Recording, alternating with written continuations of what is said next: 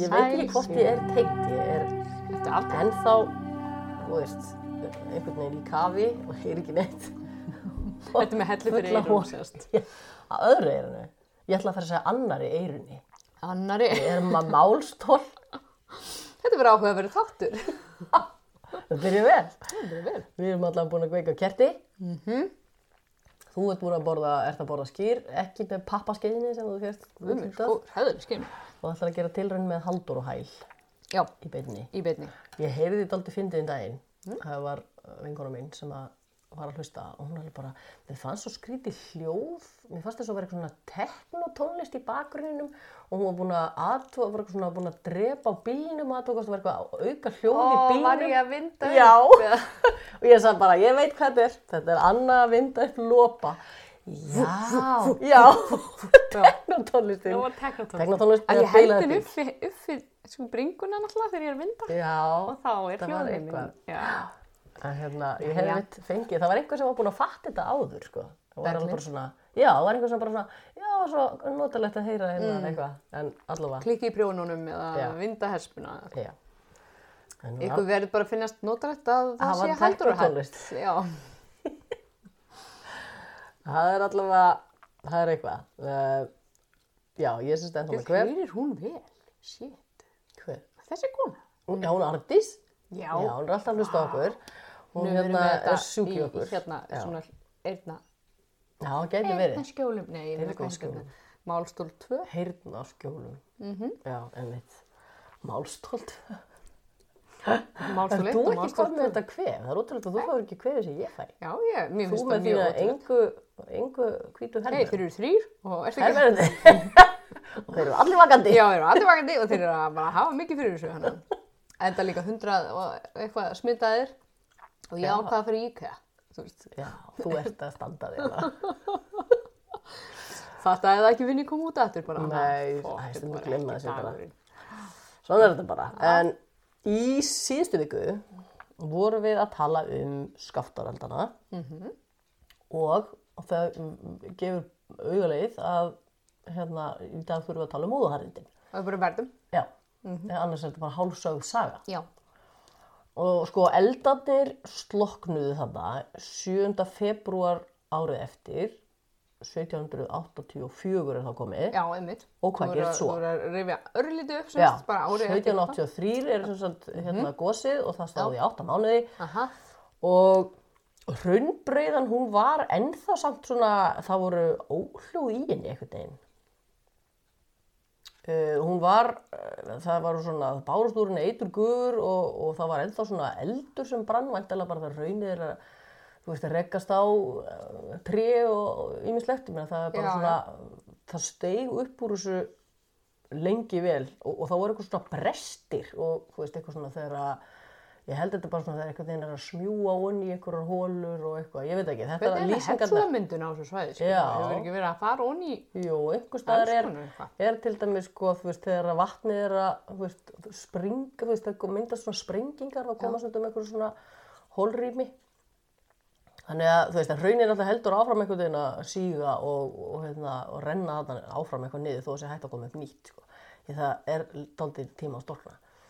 Og hérna, það lagði gufu upp úr eldstöðunum allt árið á eftir, þarna 84 og talaði um að fimm gufustrókar sem að voru svo háir eftir sáust frá skálholti sem Já. er alveg að það er ennþá að stíga hann eitthvað eitur upp. Og sko það er ekki, tölunar er ekki kannski alveg nákvæmar með hvaða fóru margir bæir undir hraun. En allavega þarna einhvers staðar segir að það hafi verið 13 bæir hafi farið undir hraunni þá hús og allt. Íbúðarhús eða eða en sem sagt einhver 20 hluti af bæjum. Já, en 29 aðrar jarðir og hjálegur fóru í eyði um lengri eða skemmri tíma. Já. Fólk sem flúði. Já, Fór, eða minkaði jörðin rosalega mikið eða það fór vegna öskufall sem að fór, fór svo, þú veist, hann lagaði svo aftur. Þannig að flest af þessum jörðum sem að fóru í tímabundið í eyði eða var svona, fólk traktist frá, þeir fóru aftur, veist, komist aftur í byggð með einhverjum breytingum. Þú talaði síðast um að enginn hefði látið lífið. Já, En enginn let lífið sko beint í í, hérna, í, Í hrauninu eða já. þú veist, Já. þessa daga sem að þetta gerðist en það var náttúrulega veit svo sem engin En dýr. það veit engin það náttúrulega drafst bara ógeðslega mikið af dýrum þarna á í gósinu og og í eftirmálunum Þannig að veit að kannski ekki beint. gas, einhverju... Jú, að því að jörðina. Já, það er heil saga mm. Mm. Ég er spennt. Uh, þannig að bein áhrif sko, þú veist, svona til langtíma á búsetu voru ekkert rosalega mikil. Þú veist, það voru þess að 13 jára sem fóru í eyði en svo Er það voru, ekki bara samt svolítið mikið þessum tíma? kannski í litlu, í, veist, í þessari sveit nákvæmlega, en veist, það breytti ekkit eitthvað bara svona að heill hreppur fór í eyði eða eitthvað svona. En þessi, þetta var alveg svolítið þéttbíl, þetta var svolítið svona búsaldarleg sveit á þessum tíma. En sem sagt, það, það hafi ekki neitt dáið beint. Það var rosalega mikið tjón af þessum eh, gastegundum og öskunni sem að rauk þarna upp. Fór ekki bara náttúrulega yfir þessa sveit, heldur bara um allt landi. Og þetta olli því að móða lagðist yfir og hindraði ljós sólljós í að ná til jarðar. Afleðingin voru grífulegir kuldar sem voru kendir við þessa móðu, þar að leiðandi þessi móðu harðindi. Heyrðu þér ekki einhvern tjóman í sumar þegar var verið að tala um að þetta væri svona mini-móðuharðindi sem að, Þegar kom svona var allt í bláma já, allt var í bláma og það var skýjað allt Já. sumarið í sumar. Hlustaklega hérna, að því ég horfi nú alltaf á Hafnarfjalli. Já, Og Og það sá var oft bara ekki fjöllin. Já, það var bara oft í móðu. og þó það væri ekki ský á himni, þá Og svo var, í þoka, já, en samt ekki. það var einhvern veginn svona eitthvað mistur og þetta var einhvern veginn skrítið. Ég ætla ekki að segja það að það lækkaði ekki hítast í núna. Það Nei, var nei, nei. Þetta var ekki kallt sumar, en það var, það var mjög svona lág skýjað og svona lítið heiðskýrt. Þess vegna finnst okkur hér á Vesturlandi ekki, hafa, ekki eins og það hafi komið sumar. Finnst þess að það hafi ekki komið sumar. Af því að það var, sko, voru það var kannski góðir dagar, dagar, já. en það var skýja. og brjálæðislega bjart var bara, það voru einhverju nokkri dagar. Já. En það er vika að ég fari til Flórida, skal ég segja þér. Einmitt, þú þarf að tanna fyrir okkur tvær. Já, ég gera allt fyrir þig, Já.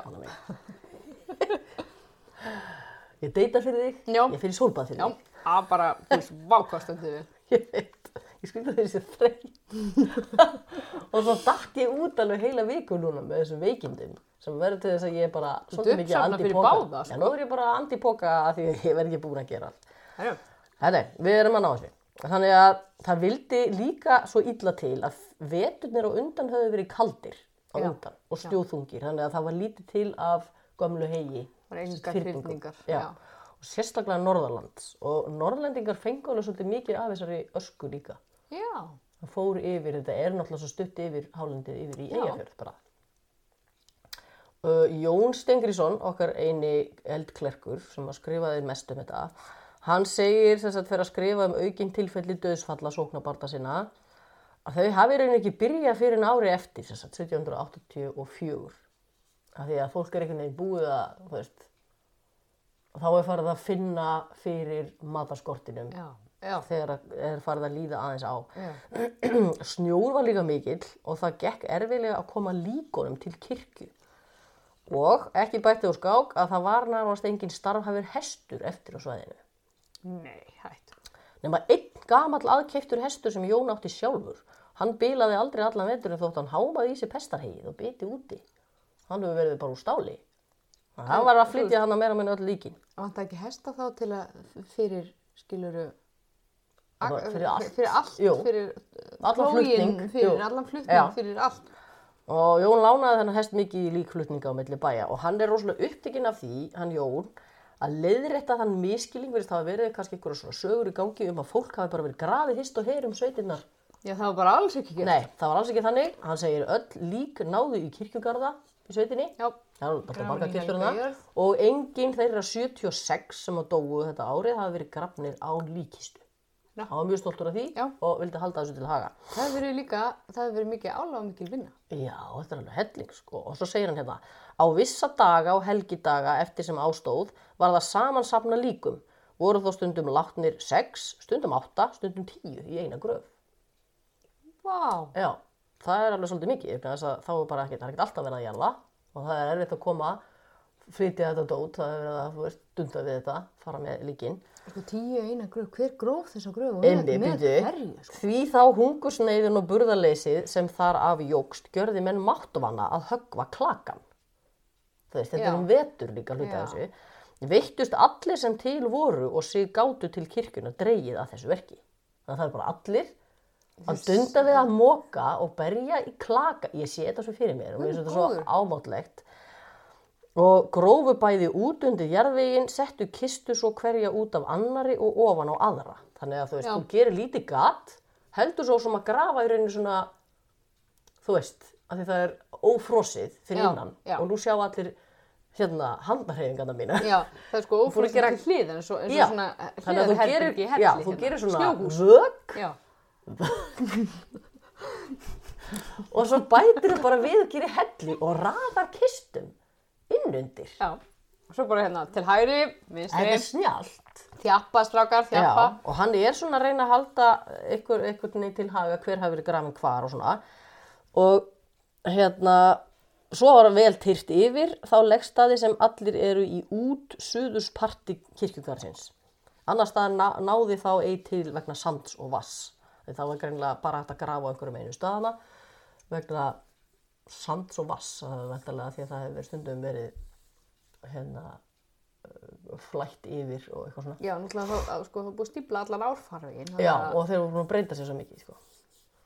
Þannig að mér finnst þetta einhvern veginn, já, mér finnst þetta átakanlega lýsing hjá hana. Bara allir sem vellingi geta valdið, Mæti fara í messu og fara svo að grafa og höggva klaka til að reyna að koma fullt af kistum mögulega ofan í sem er búið að safna einhvern veginn saman. Af öllum nágrunum. Já, einni bara eitthvað. Guð mig góður. Já.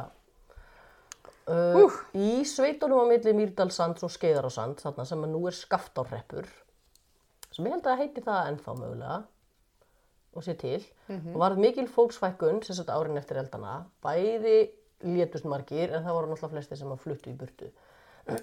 náttúrulega bara smá sem að hröktust einhvern veginn svona neðar og á svæðinu voru íbúar 2000 Já. Fyrir eldana sem ég finnst mikið en þeir voru 500 þegar það var gert meðantal 85 til tveimur ára senna. Bara bæði aðfluttir og dánir og Já, er brottfluttir. ekki 25% meir. Já, Já. flutti burt.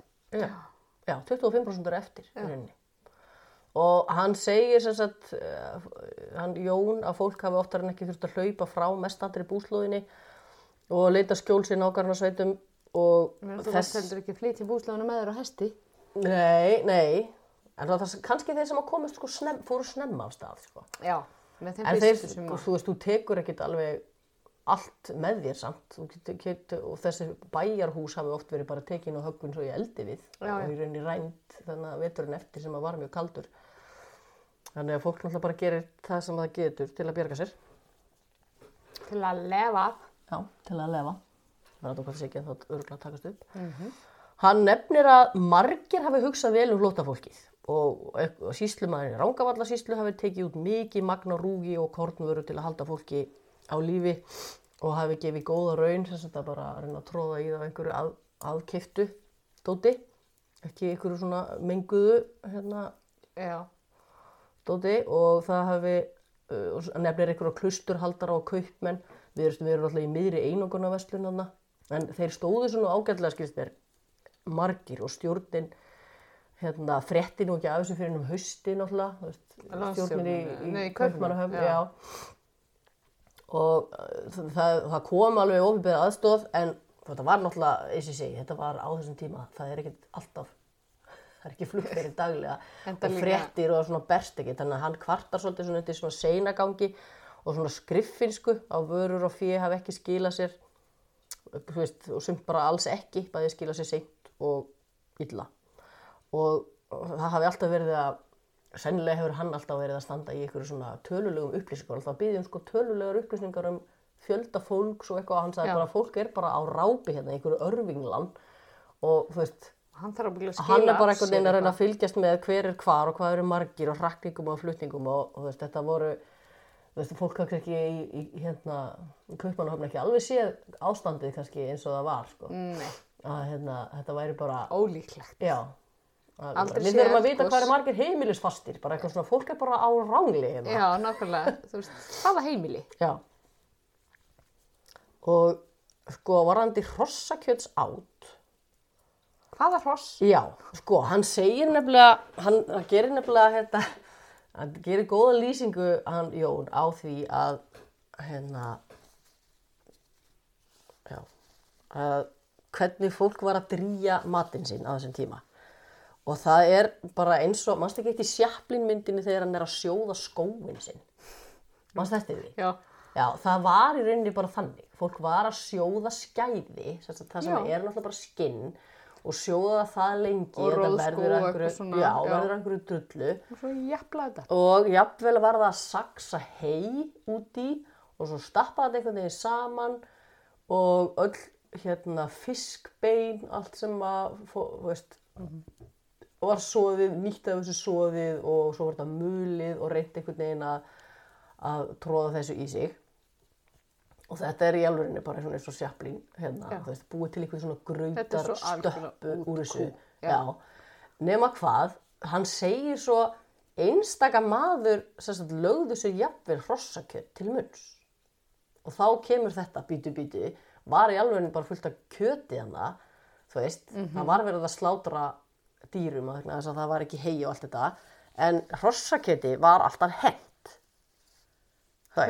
Hugsaðu þér. Magnið Í öllu, öllum okkar harðærum, þá var þetta bara, sko, bann við hrossakjötsáti var tengt einhverju túlkun í biblíunni, þar sem var sagt að einungis mætti borða kjöt af klaufdýrum.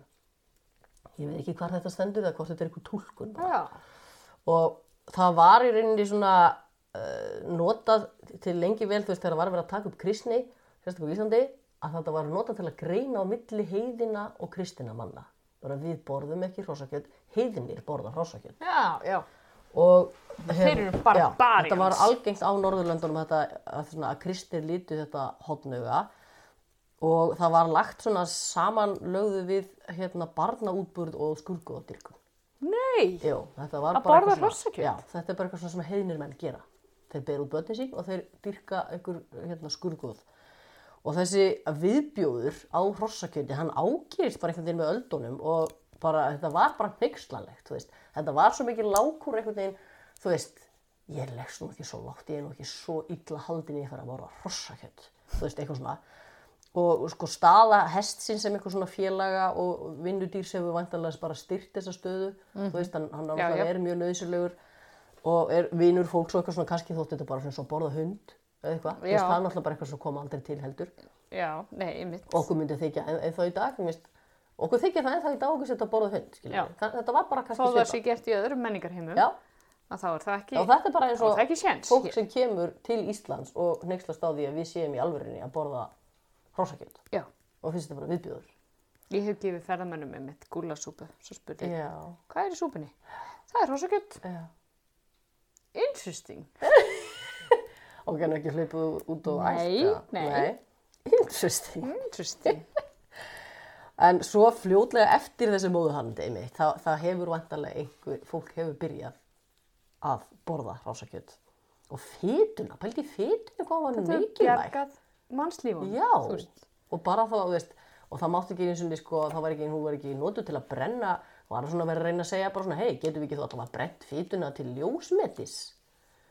Og, og embættismenn íslenski fóru svona að segja, já, við getum nú gefið fátaklingum og föngum þarna og byrjaði eiginlega á því, sko, þegar fangelsi kom. Að þeir fóru að gefa þeim já. af því þetta væri bara, þú veist, það eru harðæri í gangi, eitthvað verðum að gefa sakamönnum að borða. Af við en- gefið þeim ekki bara, þú veist, það var borðað hrossakjöt í Danmörku á þessum tíma. Já, það var um þessu skrítið. Þetta var, þetta var ekki svona hræðilega, þú veist, fátaklinga. Það var ekki einhver herramannsmatur, en vantarlega bara eitthvað svona saltað og ógist eftir eins og þetta var svo lengi vel. já. En það var allavega svona að þetta var mjög pólitíst mál. Að, þú veist, embættismenn, Íslendingur- íslenskir, fóru að reyna að fá fólk ofan að þessari, þessum viðbjóði, segja bara, heyrði, come on, getum við ekki bara reynt að nýta þetta kjöt sem við erum með hérna. En þú veist, það er erfitt að snúa við ykkur svona. Þetta var út út úr.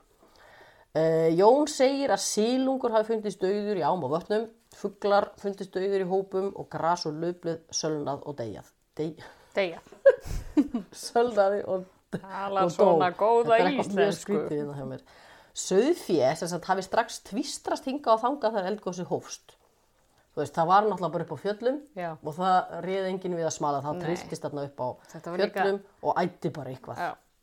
Og hræktist náttúrulega kannski mikið niður hérna í meðaland, allt að vera á skáltatungu, ska, skaftatungu, skáltatungu. Skáltatunga. Þú bara býr afsökunar Býr hérna. til nöfn. Það voru gaman að hlusta á þetta aftur. Það fór í vötn, sjó eða eld og ráfaði út á eði sanda og drafst. Þess að, Já. já. Margar kindur sem náðust hafi eflustur í skortar til átu. Þetta er alveg eins gott kannski eins og það myndi vestlast upp Já. einhvers staðar. Já. Og kjöti þótti samt einhvern veginn ekki gott vegna eitur. Svo hann segir að, hérna, að fólk hafi hérna, jafnvel dáið af einhverju svona eit, af að borða eitrað kjöt Og mikið magn. af einhverjum einhverju. eitrunum. Já, ég veit ekki alveg hvort það stendst uh, vísindi en hérna, hann segir þetta allavega. Og hann held að alltaf 20 kýr hefðu, hefðu lifað af á svæðinu sem er ekki mjög mikið en það þurfti mikla aðstóð kýrin er dýrmætust á vænum Já. og það þarf það að halda inn lífinu, lífinu og með mikilli aðstóð og með því að gefa þeim helst gamalt óeitrað hei eða að vera búin að þvó heið eða eitthvað það var ímislegt hérna prófað allt hei var fullt af sandi og mengun og væri því kastað á eld kom blár brennisteinslogi Ja. og lyktin eftir því Nákvæmlega. Já, þú veist, þetta er það mikið, sko. En hérna, uh, það var reynt að uh, þess að beljónum hefði hjálpað mörgum að hella ofan í þar beint mjölkinni aftur úr sjálfum sér. Já. Mjölk er náttúrulega svo Já. afeitrandi Já. og, og hérna, næringa góð, þannig að það var reynt að, það var alls konar reynt, sko, til að halda í þeim lífinu. Beljan var orðin 1,50 hluti af mjölkur þambinu. Já. Þú veist. Mm Fyrst sá mjög lítið á hestunum, þeir viltust þóla fóðuskortin og mengunina betur en kýr og fjö, en svo gerðist eitthvað skrítið, það kom að því 9. þetta ár, hérna, 83, að þá duttu niður 20 hestar döðir í kirkjuferð. Sumir bara beinir þessu undir fólki á ferð. Þeir hafa bara fengið gas. Já, já, Eitthvað- eða hafa verið gerst. ónotaðir lengi og allt í hennu hefur þurft að nota og þeir bara ekki haft neitt þrygg, ég veit það ekki. Þeir bara ekki geta þetta. Nei, allir maður þessi eini þannig, hans Jón. Hefurs Jóns. Uh, Jón lýsir sér satt áhrifum eitrunarinnar á skeppnurnar svona. Hestarnir mistu allt hold. Skinnið fúnaði á allir hryggjar, hrygglengjunni á sumum. Þetta er ógislega lýsingar sko. Tagl og fax rotnaði og datt af ef hart var í það tekið. Hnútar runnu á liðamót, sérdeilis um hófskegg. Höfuðið þrútnaði fram úr lægi, kom svo máttleysi í kjálkana svo að þeir gátu einbeitið grasni í getið. Því það, því það þeir gátu tuggið datt út úr þeim aftur. Þeir hafði þeir ekki, já. Inniblinn urðu morkin, beinin vissnuðu aldrei mergulaus. Söðfjö var enn hörmulegur útleikið, á því var varla nokkur limur að ekki nýtti, sértilis kjálkar, svo hnú, hnútarnir fóru út úr skinninu við bein. Jú. Það er bara, þú veist, það er svo miklu kýtast svo hérna liðirnir og, og hnúarnir að það bara rýfur húðina herinni, þú veist, það koma bara sár. En þú að skinnið er líka bara orðið einhvern veginn ekki neitt neitt. Já, bringu, teinarnir, mjaðmir og fótleggir, þar uksu á stór beinæksli sem sveigðu leggina eða þau urðu á víksla á þeim. Ég veit ekki alveg hvað það mæna með því. Bein og hnútur svo meir sem bruddværu. Lungu lifur og hjarta hjá sumum þrútið, sumum visin, innibli morkin og meir með sandi og ormum. Það sem kjöt átti að heita var bæði lyktarslæmt og ramt með mikillu ólifjan. Já, hérna segir þetta. Hvar, hvar fyrir þess át var margri manneski að bana? Reyndu þó menn til að verka það, hreinsa og salta sem kunnátt á efni voru til. Það er nánast bara svona eins og að vinna með kannski hákall eða eitthvað. Já, þú þarft að afeitra. kjötið, einmitt, já. Láttu að byrja að brjóta sér niður. Nautpenningur varð af sömu pláu undir orpin, hlýtingar í kjálkum og viðbeinum. Sumir fótleikir klopnuðu í sundur, rófandatt af með halanum, stundum hálf, stundum minna. Klaufinnar leistu framan af, sumar duttu sundur í miðju. Þetta er bara eins og einhver, já, gjörningur sko.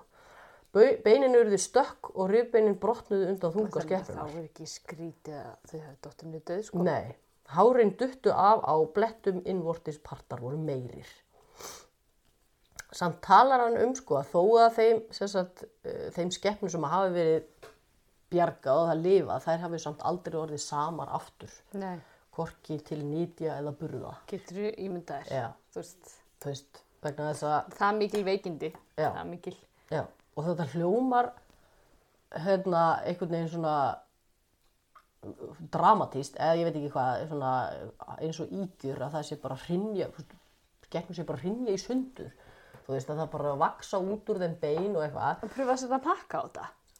einmitt, eða mannesku. Eða mann, Já. eða narkómanesku. Eða bara Söðul og, já, herða gjörðina og rifbyrnin bara, uh, einmitt stingast inn í og þáttu döður. Já, einmitt, uh, vegna þess að ef við skoðum aðeins þessar lýsingar sem að, eins og sé, eru kannski svona pínu þjóðsagna kendar, en þá er til mjög áhugaverð grein sem heitir Áhrif eldgós á dýralíf eftir hinn ágæta Sigur Sigursson dýralækni, Já. gamla.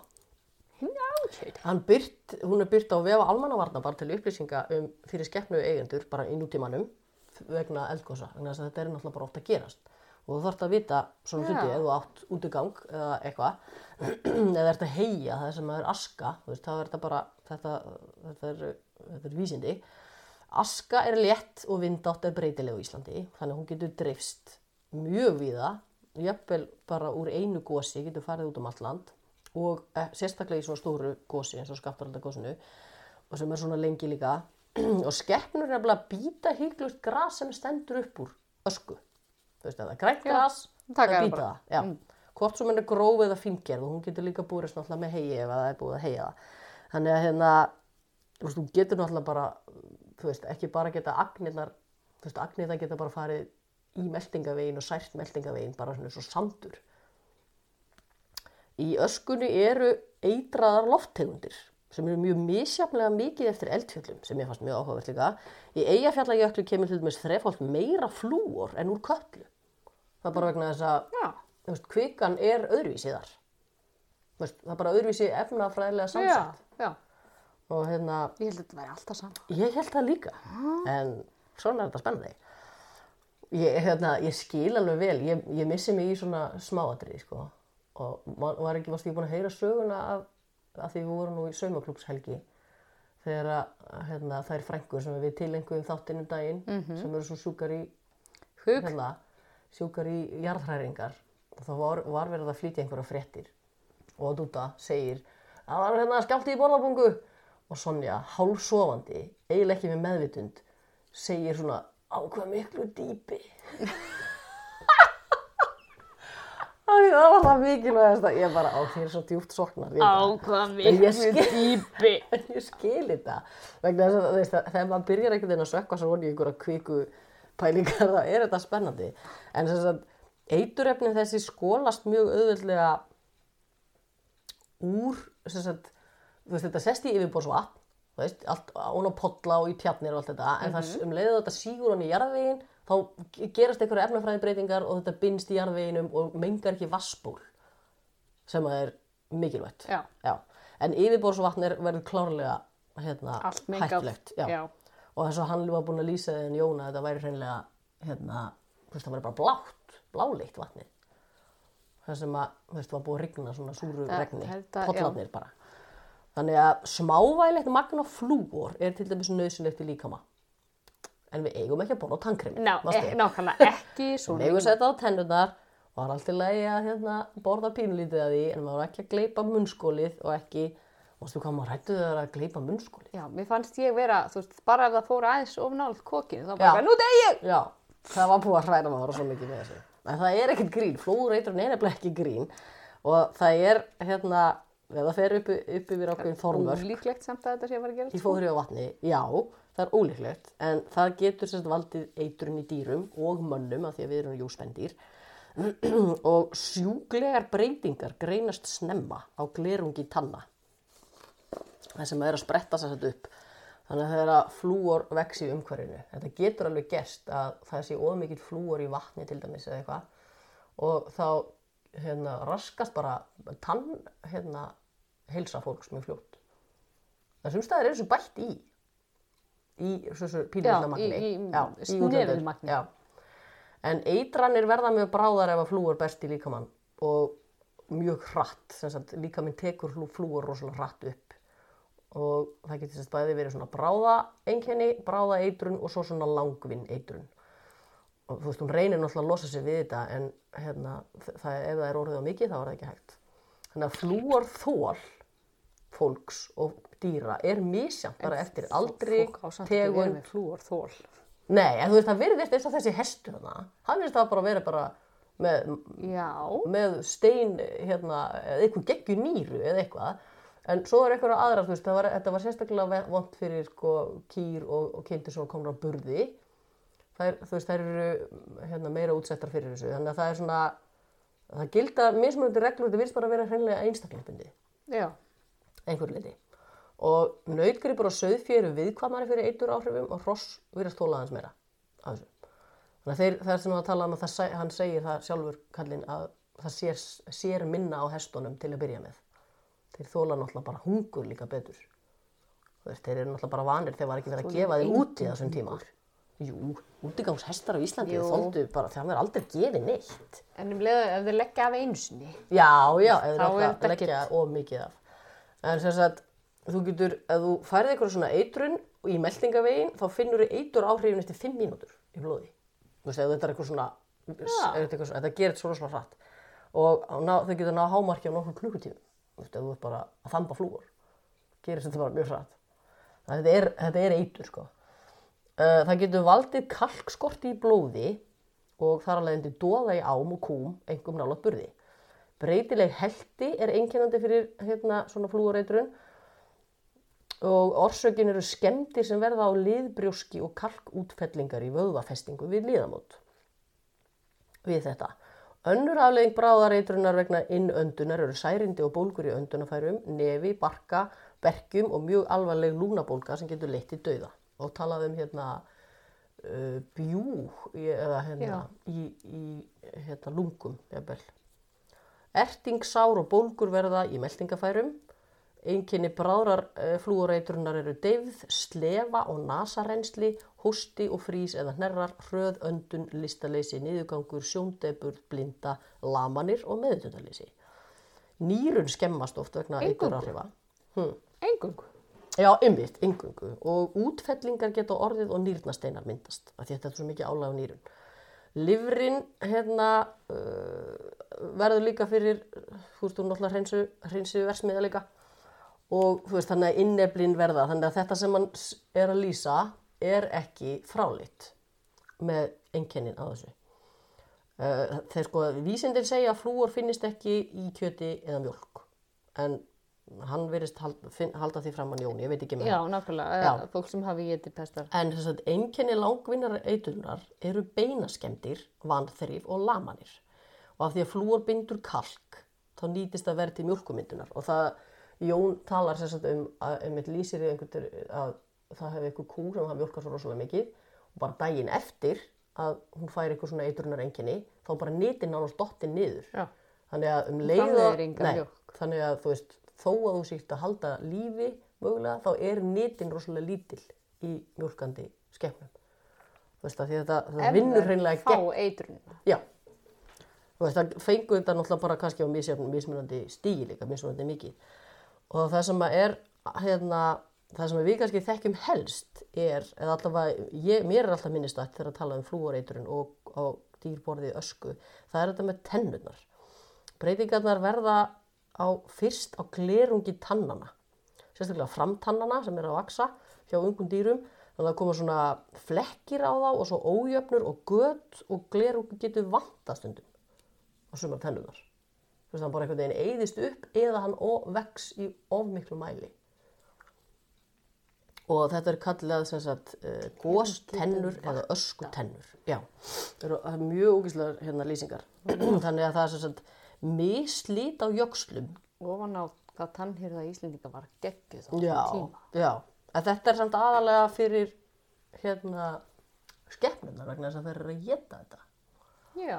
og þetta er sem sagt, mjög algengt var sérstaklega með hérna, það sem hesta og, og kindur sem gengu úti og voru að bara álpastælega geta öskugrasið.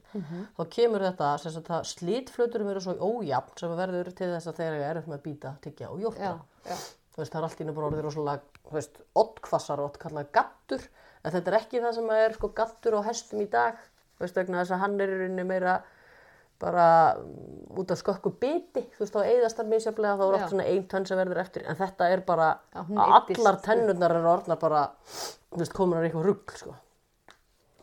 Þannig að, Og svo getur líka, og það virkar ekki alltaf, allt eins á veist, sumar tennur vera mjúkar, sumar tennur vera alltaf harðar. Það er stundum dettaður úr og hérna, það er, getur verið sagt, líka örfað beinfrumur til að mynda óeðlileg bein. Þannig að það fyrir að bara veist, búa til ný bein og kallað fætlur. Eru svona hálfgerð fröðkend bein á fótleggjum og einhverju svona bein hnjóskar. Þannig að þetta, með að það sé að stingast út úr húðina þeim, alls konar auka bein og heldi og sár á kjálkum og bólgin höfu og eitthvað, þetta er í rauninni, þetta meikar alveg sens eins og maður segir. Það er þetta sem að langvinn eitrun á flúori Gerir, gerir. já. Og mik mikil eimsli í öllum liðum og talaði um að hérna, bein verði stundum mjúk sem tálga má sem ost. Af því að, Hver hefur ekki prófað það? hver hefur ekki prófað það? Af Því að það var það sem maður gerði. Já, en svo eru þetta einhverjar sí, sírur og, og gös sem koma líka. Jú. Ógæslega lýsing. Þannig að það koma þarna brennisteinsýra, brennisteinsdíoxíð, saltsýra og flúorsýra sem að valda ertingu í slímhúð, augum, nefi og efri hluta öndunafæra.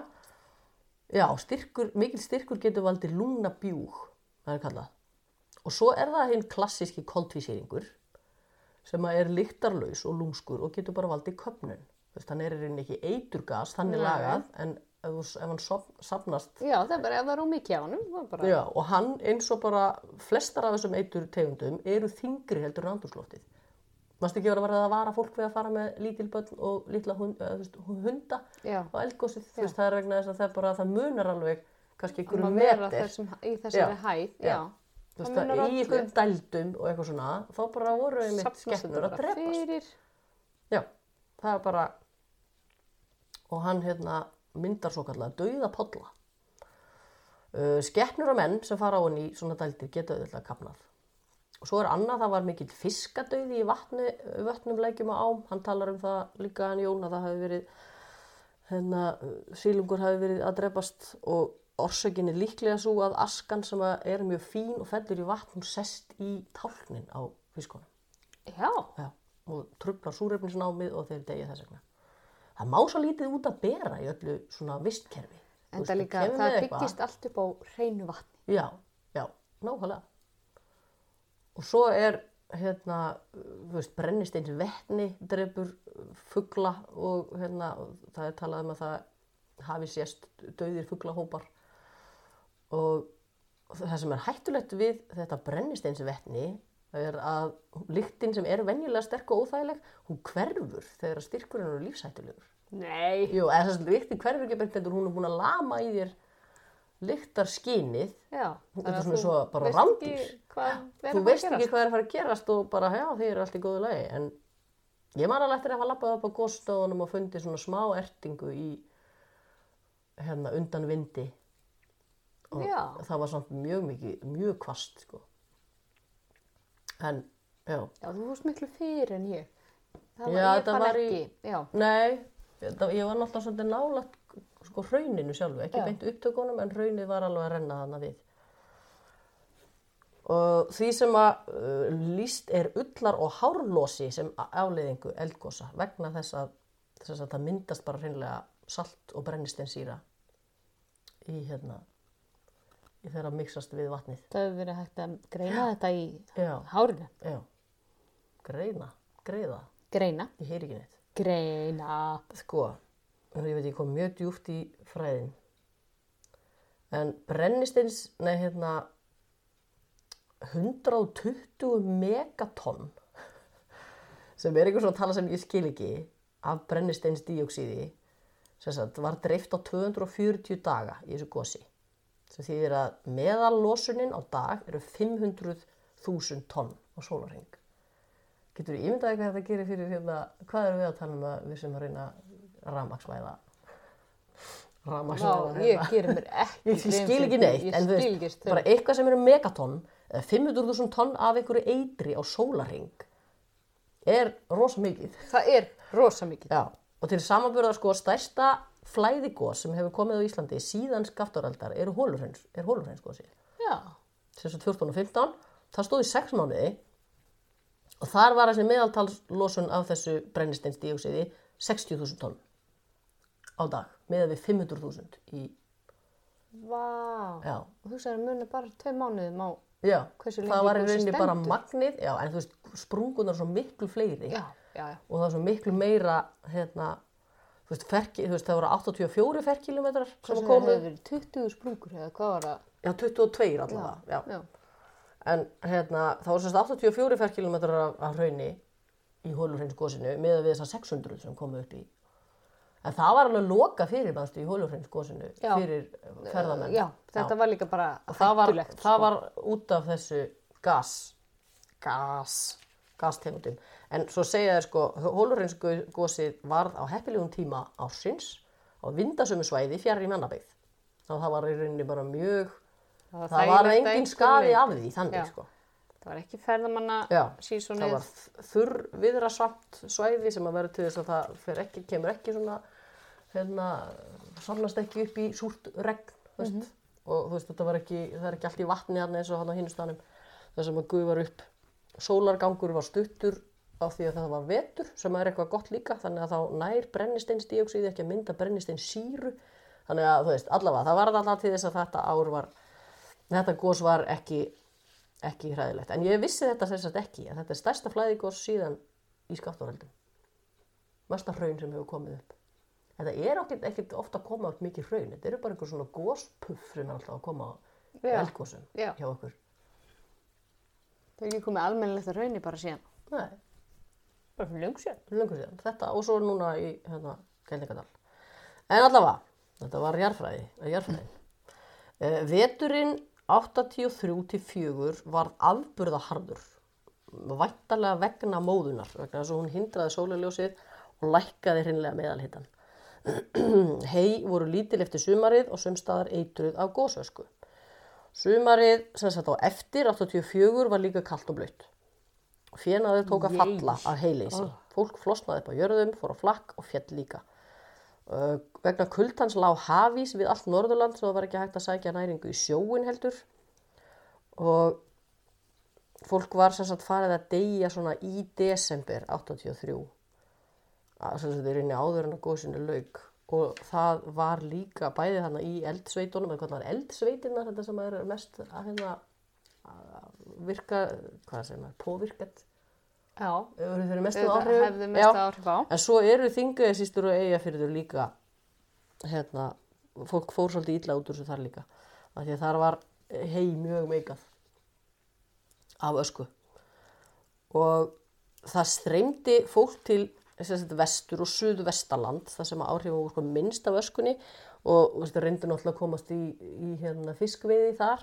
En þá var sagt að sko, margir hefði nú ekki komast alltaf leið vegna þess að þeir voru máttfarnir á næringaskorti en svo þegar þeir komust í nýjan fisk þá dónu fólk bara. Það þoldi ekki? nýmetið. What? já, þetta allavega var talað um þetta. Þetta hefði bara verið hættuleg, kannski bara of mikið, borðað of mikið eða eitthvað, ég veit ekki. Þannig að sumar 84 heijaðist lítið og fólk var reynlega máttfarið eftir hungur og næringaskort það var bara, fólk er bara heilsulaust sko. og til að bæta gráðan og svart þá urðu stórir jarðskjáltar sunnarlands í ágúst sem feldu um 400 bæi sem að er ekkert lítið og þannig að það fólk þurfti að eigða tímanum í það að koma í húsaskjóli í staðin fyrir að vera að heia Mm. þannig að þú þurfir náttúrulega að hafa húsaskjól Byrja á einhverjum skrítum enda. Já, þannig að þú þurftir að byggja hús og hefði annars mögulega geta nýst til heiskapar. Og mannfellir varð því aftur sem sagt á hungri næsta vetur, sem sagt veturinn 84-5 og þá kom bólusótt til aðsins sem bætti ekki úr skák og þurkaði út þá sem voru náttúrulega óvenju veiki fyrir. Og það lagði svolítið þá. Já, veist, það, það eru náttúrulega margir sem eru komnir á svona hættu, á hættustig, þú veist, vegna hungurs og næringaskorts. Þú veist, þetta bara tekur þessi sjúkdómur allt og bara mikið á ungu fólki sem að fór í þessari bólusótt. En svo kemur sumarið 1785 og það var hins vegar gott og telst af móðuharindunum þar með lokið að mestu. Og þetta var svona tveggja til þryggjára hörmungatímabil sem að feldi um 10.000 Íslendinga sem var þá 20% landsmanna.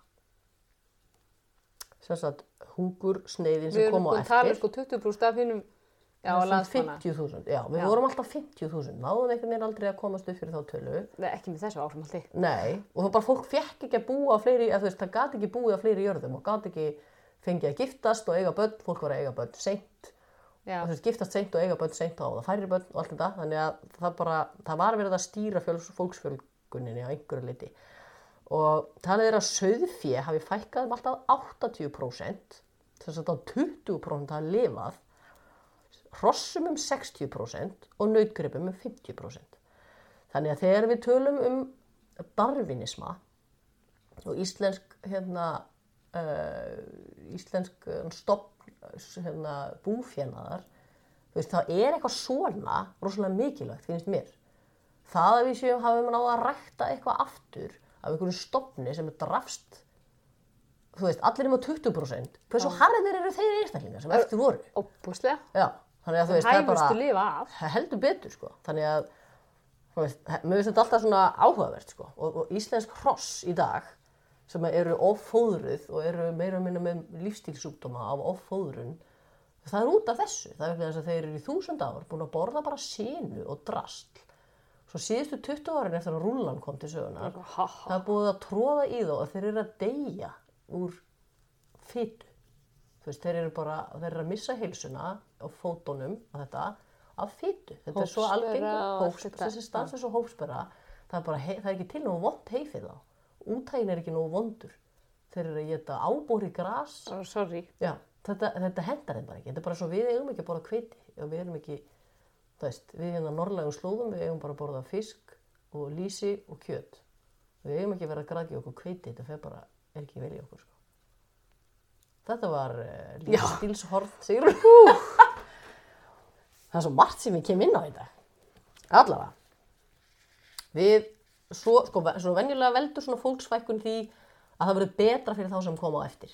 Og það var það alveg, mástu, við töluðum um þetta í svartadauðanum, það er þurkast út í jarðir, þá allt inni bara svona er möguleiki fyrir fullt af fólki að komast Já, á hérna, hei, við getum bara að fara að búa 18 ára en ekki landslagið, 35 ára, eins og venjulega og það hérna, gerðist nákvæmlega sama eftir þetta. Og það hafði náttúrulega bara um aldir verið skortur á hérna, jarnaði til búskapar og hann allir því að fólk já, fór seint að búa og giftist seint og allt þetta. Náði kannski bara aldrei að giftast vegna þess að það var vinnufólk og þá máttu ekki, ekki giftast. Þú mást ekki vera að hrúa niður börnum inn á húsbændu þínum. Þú veist, hver allar húsum fyrir börnin bara ekki séns. Og, og margar konur voru ekki giftast fyrir það voru bara komnar af frjósamasta skeiði og allt þetta. Þannig að eftir móðuharendin var það auðvitað að fá jarðæði, fólk giftið sér yngra en áður og eignaðist meira af börnum. Þannig að þegar komið var á aldamótum 1800, 25 árum setna, þá voru við eiginlega búin að ná fjöldanum aftur. Já, Og ég hugsaði bara, það sem stendur hérna hjá mér, við erum bara eins og rottur. kanínur. Ja, einhver nagdýr, það kemur eitthvað áfall, þú veist, refum fjölgar, þú veist, Mhm. Þeir geta alla mísnar, eða eitthvað, uglum fjölgar, þeir geta alla mísnar og þá fækkar uglunum og þá fjölgar músunum aftur Já. og þú veist, þetta er í rauninni bara svona lemmings. Við erum bara, veist, þarna var möguleiki, nú getum við fjölgað okkur meira, þá gerum við það. Bara, hú, hú, hú. Þetta er svolítið merkilegt. Hú. Maður setur hann Gunnari Karlssoni hérna sakfræðingi sem skrifaði allar sakfræðibækur, kennslubækur í, í heimi. Allar? Hann er ný dáinn, já, hann er maður hann er Silja Aðastins. Já. Var og var hérna, uh, hann er hérna, skrifaði sjálfstæði í Íslendinga, maður stikki bækurnar þrjár hann og allt þetta. Hann allavega var með áhugaverða kenningu um hvers vegna Íslendingar hafa hætt að dansa og glimt fornum dansbórum. Hver er nú svo Já, kenning? kenningin er svo, sem sagt, kirkjan og kongarnir voru mjög mikið að reyna spórna við dansi. Það er ekkit launungumál. Þeir sögðu að þetta væri hérna ekki lauslæti og væri allt saman einhver hórdómur og rugg að vera að dansa og syngja eitthvað og var lengi reynd að spórna við þessu en það hefur verið bent á að færiðingar sem voru með nákvæmlega sama kong og sama kirkjulega yfirvaldið hafi ekki hægt að dansa og ekki týnt þessu niður. Þannig að Gunnar heldur í fram að lengi eftir móðuharindin hafi Íslendingar bara ekki verið í stuði til að dansa. Já, Áfallið hafi verið svo mikið og hérna, að það bara að þeir hafi bara, þeir hafi bara verið andlega þunglindir í mörg ár. Og það var óbúslega erfitt að lifa á Íslandi. Þú veist, í gegnum Já, þessi er misseri. Þú veist, það, er það eitthvað sem að, nú veit ég ekki sögufæri, Nei, en nei, þetta hefur alltaf komið yfir þá eitthvað en ekkit, ekkit eitthvað svona. ekki líkingu við. Nei. Og þetta er líka bara svo óhugulegt. Þú veist, að eldar logi bara og það beitir brenna bæir og það, þú veist, þetta getur alltaf gerst, skilur. Þetta bara einhvern veginn hangir yfir þér og einhver ský, þetta er svo miklu gjörningar og þetta er svo ónáttúrulegt eitthvað. En bara, þú veist, getur alltaf... En er daglegt brauð? Eða þú veist, ekki, ég ætla ekki að segja daglegt brauð, en þú veist, er alltaf möguleiki. Miðið er möguleiki á Íslandi. Möguleiki fyrir eldgósi. Og sko í Eyjafirði, þú veist, ég er náttúrulega alveg búin að skoða þessa eldsveitir, en veist, í Eyjafirði voru lýsingar sko, loftið myrkvaðist af eldi og brennisteini og dökkugu slæða fyllt í sólundeldarhingin. Hún var sífælt dekkri og hafði þau áhrif á sólinn, náði jafnvel ekki að brjótast í gegnum þykka huluna þó óskýða væri. Þannig að þetta, eins og ég segi, þetta var alveg víða og það kólnaði skyndilega og grasvöxtur brást. Og svo, hérna, 17. júni sem er það bara tíu dögum eftir að gósi byrjaði, þá er þetta byrjað að rigna ösku og einhver smá ögnum svona og brennandi, eitthvað svona sem brennir þá í húðina í eigafyrði. Og hann, hérna, síslumæri þar, hann talar um að andrengsli og höfuverkur hafi hrjáð marga hann í eigafyrðsveit og að mikil aukning melankólíu á melankóli. vegna þessari dimmu sem lagði yfir allt, bara deburð og, og bara Já. andleysi og þungulindi og, og eitthvað kraftleysi. Uh, til landsins kom uh, mjög fræga ferð, hann hétt Ebenezer Henderson, skoskur trúbóði sem kom til landsins uh, löngu eftir þetta, þetta er bara 1814, þetta er komin sko 30, rúm 30 ár síðan.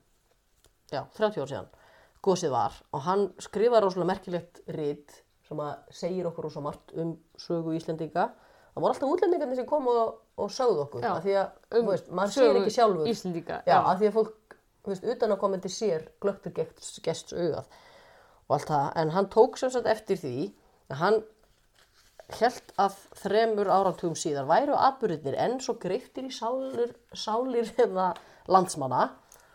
Afleðingarnar væru margvíslega hræðilegar og daburlegar enn í dag, segir hann sérsagt. Þannig að hann verðist að hafa tekið eftir því þá, þó að vera svona langt liðið, að þetta væri fólki mjög ofalega í huga. Af því að hann er bara að fara og hann er að tala við fólk, veist, og teikna myndir og hann er svona að skoða hýbili og teikna, veist, bara þessi útlendingar sem komið hérna er alveg gulls í gildi.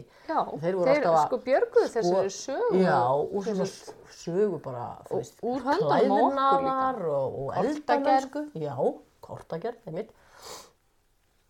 Og það voru, þú veist, þetta var alveg svona áfall, þú veist, þetta var, þetta var svona að fara að koma upp, uppsveifla í, það voru uppsveiflu hugmyndir, hérna, endurreisnin og allt þetta.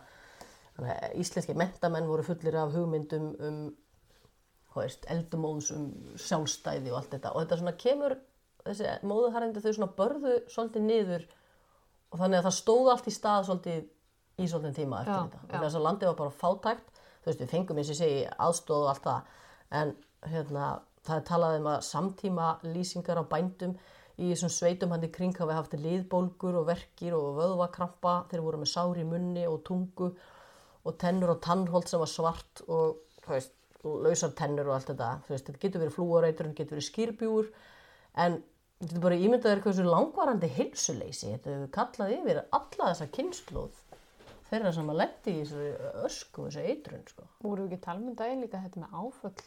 Milli kynslu. Já, nákvæmlega. Þannig að það hefur verið daburt, held ég bara, svona svolítið yfir fólki. Í svolítið tíma. Ég er búin að tala svo lengi. Já. Já. Ég verð samt að segja að eldgósið hafði sem sagt uh, áhrif víðar enn á Íslandi og af þessu eitur lofti hérna uh, spúði uh, spúði laki meiri eh, hérna, eiturinn upp í loftið heldur en að hefur gerst bara ja, eftir svona neitt viti til veist, miklu meira, já það er til þetta risa gos í Krakatá sem er eitthvað stærsta elgos í heimi. Og svona sprenging sem að, þú veist, heyriðist um allt hálft, hérna, kvelið og eitthvað, en þú veist, það Pína Túbómast þetta því, 91 og Philip Nei. segjum, það eru svona stór elgos sem að, þú veist, komast ekki þú veist, sem að komast ekki nála þessi gosi í, í eitrunar, hérna gufum, eða hvað maður segir. Þannig að það var kallað í Evrópu ár undrana. Annus Mirabilis. Það var sem sagt árið 83. Vegna þess að þá var í fyrsta lagi rosa mikil hitabylgja af einhverjum ástæðum. Það er ekki vitað hvort að það hefði neitt tengst gósinu beint. En það var allavega hitabylgja sem var til skada fyrir, hérna, fyrir eh, uppskeru. Náttúrulega bara þurka. En svo kólnar svona rosalega og það lækkaði hítasti í Evrópu í þessum móðuhærinda vetri hérna sem kom á eftir um eitt- 1,6 gráðu sem er mjög mikið. Þú veist, ef þú, ef þú ert nú til dags eitthvað svona að færa til ykkur og 0, eitthvað gráður hiti í sjónum, gerist eitthvað, Já, hefur einmitt. rosalega afleiðingar. Þannig að þetta er mikið og er, það er ef, ef, efast ekki um það að þetta hafi verið ástæðan. Veist, bara það, að það, það var bara ský yfir öllu þarna. Og hérna, það talaði um að Eirasundið hefur lagt á milli Danmörkur og Svíþjóðar, fólk var bara með vögnum á milli. Þetta var alveg, þetta þótt alveg furðulegt og það hefur verið skautað á milli borga með frá ströndum Hollands og að ís hafi verið í Mississippi fljóti suðu við New Orleans sem að gerist heldur Já, aldrei. sem gerist mjög Já, sjálf. og í Alaska fundust merkjum að heilu þorpin hafi horfið? Og innfættir töluðu þessast um sumarið sem aldrei kom. Hvor, hérna, sem er vantarlega það sumarið 84 já þá bara þetta er svo mikið á norðurkvelin þetta er stutt að fara yfir á, al, veist, yfir á Alaska og norður Kína. Þetta fór alveg þangað sko. Já, en að að þið hafi bara horfið. já, bara, það var bara kuldin einhvern veginn, það voru of mikla breytingar í einhverju. Að það voru einhverju rúsneskir kaupmenn sem að sögðu bara, heyrðu, hér er bara þurkast út heilu þorpin, við veitum ekki hvað varð um þau á þessu, þessum tíma Vá. Já, Benjamin Franklin, hann skrifar sem sagt hérna, stofnandi bandarækjana, eða hérna, einn af founding fathers, hann skrifar sífælt þoka líkur yfir allir í Evrópu og stóru hluta Norður Ameríku. Og það var bara í júli 83, sko. Þannig að það er bara, það er fljótt að fara, sko. Þetta er besti víða. Og eh, þetta hefur sennilega, það eru alls konar rannsóknir, þú veist, það eru gaman að googla interneti fyrir þetta þess að veist, þetta er svo dramatist allt sko. Svona, þetta gos og það er alltaf svona, þetta getur alltaf gerst aftur. Þú veist eitthvað svona, þetta olli sem sagt, þau trubla monsúnvindan á rigningarnar í Indlandi og valdi þurrkum í Norður-Afríku og einhverju lægð við Japan og hrískrona bresti og mestu harðindum í sögu þú veist, ég veit ekki hvað og hvað. Þannig að talaði um að hálf miljón manna hafi látist í Indlandi vegna þurrka eftir þetta. En veist, það er ekkert, er einfalt að finna út úr því hvort það hefur nákvæmlega. Að skoða, þeir eru að skoða sko, veist, áringi í, Í trjám. í trjám Já. og alls konar, þú veist hvað, þú veist, til að reyna að finna út sko, hérna kuldan og eitthvað svona. Og sennilega hefur þetta náð allt að, suðurkvæli í jarðar. Askan. Er gósmóðan. Sem sagt hinum einn á landinu, eða netinu. Nettur. En það gætu... Bara Antartika. Já. Og hérna, það talaði um að þetta hafi sennilega varað í svona fimm ár þessi eh, svona skamtíma áhrif af þessum, þessum mekki. Hann hafi verið að þvælast þarna yfir og kólununin hafi valdið hérna, uppskerubresti, hungursneið og faraldurum í Evrópu. Og það er alveg marktæk kólunun sem að greinist í Evrópu þannig 83 til 86. Þetta voru bara, þetta voru bara skítavetur og köldsumur. Þannig að Þetta þetta, tekið þessi þrjú ár fyrir bara já, kerfið að jafna sig. Og hvert fer þetta svo? Sest þetta bara til jarðar og í... Sérst þetta ekki til jafn óðum eitthvað að hluta til tíjarðar, skilur, Jó, og binst einhvern veginn, já, Já. mögulega. eða í. En það var sko víða svo mikið þoka skipurð og líka í höfn og þú veist þar að leiðandi trublaði það fiskveðar í hérna Norður-Európu. Engin hérna rosaleg tækni eins og Nei, nei, nei. Þannig að þetta er svona, uh, það er alls konar, já, kenningar. Þú veist, breskur vísindamæður segir að, að móðuharðindin séu mestu náttúruhamfæri sem árið í Bretlandi. Af því að veist, þeir eru náttúrulega verð ekki fyrir mjög miklu náttúruhamfærum. Nei. En þetta hafði það mikil áhrif á þá að það, hann heldur að 30.000 brettar hafi dáið veturinn eftir og óeðlegum orsökum og lungnaveiki og, og hungursneið Og og ekki verið uppskur, einmitt uppskjörubrestur og þú veist, þau laðist á byggla og... Þannig að hérna, og svo er alltaf kenning um sko, sem að Íslendingum finnst rosa gaman að, þú eru ekki hýrt hana, að sem sagt í Fraklandi var við farið með undarleira móti, alveg fram til 88 og kröftu í stormar og haglél sem að draf nautgripi, það var svo stórt. Og þá sem sagt hafi, í rauninni hafist svo atbyrðarás vegna þessara hérna, þurka og, og hungursneiðar að það hafi endað með því að múgurinn var hann brjálaður af of neyslu hérna, alþý, nei, hérna, hvað heitir þetta, aðalsins og þeir hafi ráðist á Bastilina 89, það er sem sagt sex árum setna en sex árum eftir gos og þannig hafi bara franska byltingin byrjað, þannig að móðuharöndin hafi rauninni bara haft áhrif á Startað. söguna sko. fransku byltinginni. Trúanlegt Þú Þú veist, þetta sagnfræðingur. já, veist, þetta getur alveg verið einn af faktorunum, þú veist, það var mjög slæmt ástand á Já, almenningi, já, það er náttúrulega bara kannski vegna þess að það var búið að vera gott sem verður til þess að það er komin ómikið af fólki, kemur Já. hungursneið, þá verður allt, Allt verður allt hræðilegt, sko. Og borgirnar, borgirnar er svo stórar og skítuar og það er bara komin úr svo stór stjætt af fólki sem að segja bara, heyrðu, við erum bara þessu landi, af hverju er þetta fólk? Og bara það eru alls konar hugmyndir komnar upp um, um jafnbreytti manna og uh, hérna, já, bara frelsi, jafnbreytti og bræðralag. Það veist að bara maður sem skapaði jafn og þú, þú eigir ekkert skilið eitthvað bara ókipis í lífinu. hvað meinar Já, I'm shocked ég veit það. Útrúlegar hugmyndir. útrúlega rúmyndir En þetta, eins og ég segi, svo er alltaf verið að hugsa svona, þú það er eitthvað spurning á vísindavefnum sem að segir eitthvað svona, veist, getur þetta gerst aftur? Og eitthvað svona, bara, já, sjálfsögðu, getur þetta gerst aftur? Ekkert endilega á nákvæmlega sama stað. En það er alltaf verið að hræða okkur með, sko, Yellowstone svæði sem er eitthvað svona super, hérna, eldsvæði, sem er náttúrulega bara virt svæði. Veist, ef að Yellowstone opnast bara, eins og gerist í einhverjum hamfaramyndum, mm -hmm. er það ekki bara í hvað heitir myndin eftir? Day After Tomorrow? Nei, 2012 held ég hún heiti. Er með John Cusack. Það er sem að, allt eitthvað svona, svona, var svona um pólun gangi. doomsday Já, já. ég er sjúkir hérna myndir. Ég veist þetta geggja. Komur okkar eldgósamyndir svona í kringum aldamótin. Það var alltaf rosalega hrættur um, um dómadags Það- eitthvað svona. svona, það kom í kjálfarið af hérna 2000 vandanum Já, það var eitthvað slags. Þannig að og það var svona fólk að vera svona fabuleira, hvað myndi gerast það myndi gerast dag? Jú, ég meina, þú veist, eh, flugsamgöngur myndu raskast mögulega í mörg ár. já, já, Og, en aðra leiðir myndu já, fara í gang, skilur Já. En í það dag- er miklu fleira fólk. já, já, miklu fleira fólk en í dag erum við náttúrulega bara þú veist, öðruvísi tæknilega undirbúin Já. undir breytingar Já. Ég, þetta myndi ekki ganga okkur döðu, sko. þú veist, það kom eins og núna kom heimsfaraldur Já, fara bara allir á netið, já. skilja veist, vinnunum sína já, netinu já. og allt þetta, ef maður trúið þessu fyrir 20 árum? Nei. Þetta er svo áhugavert þegar ekki svona, hvernig bregst heimurinn og kerfin einhvern veginn í heiminu við svona. Þú veist, og hvernig- þetta varð sko, bregst myndi bregðast við einhver svona einmitt heill yðnaður, bara svona svo flug yðnaðurinn, það ferðast engin lengur, hvað er að gera?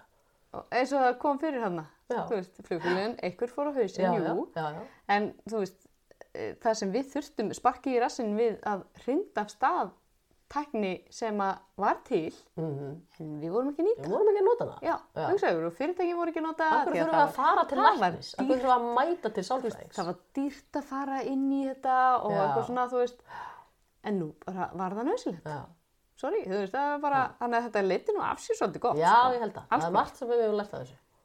Og lærir alltaf. elska hýðið mitt Já, það. það er ég það Ég hata það. Ekki þitt en...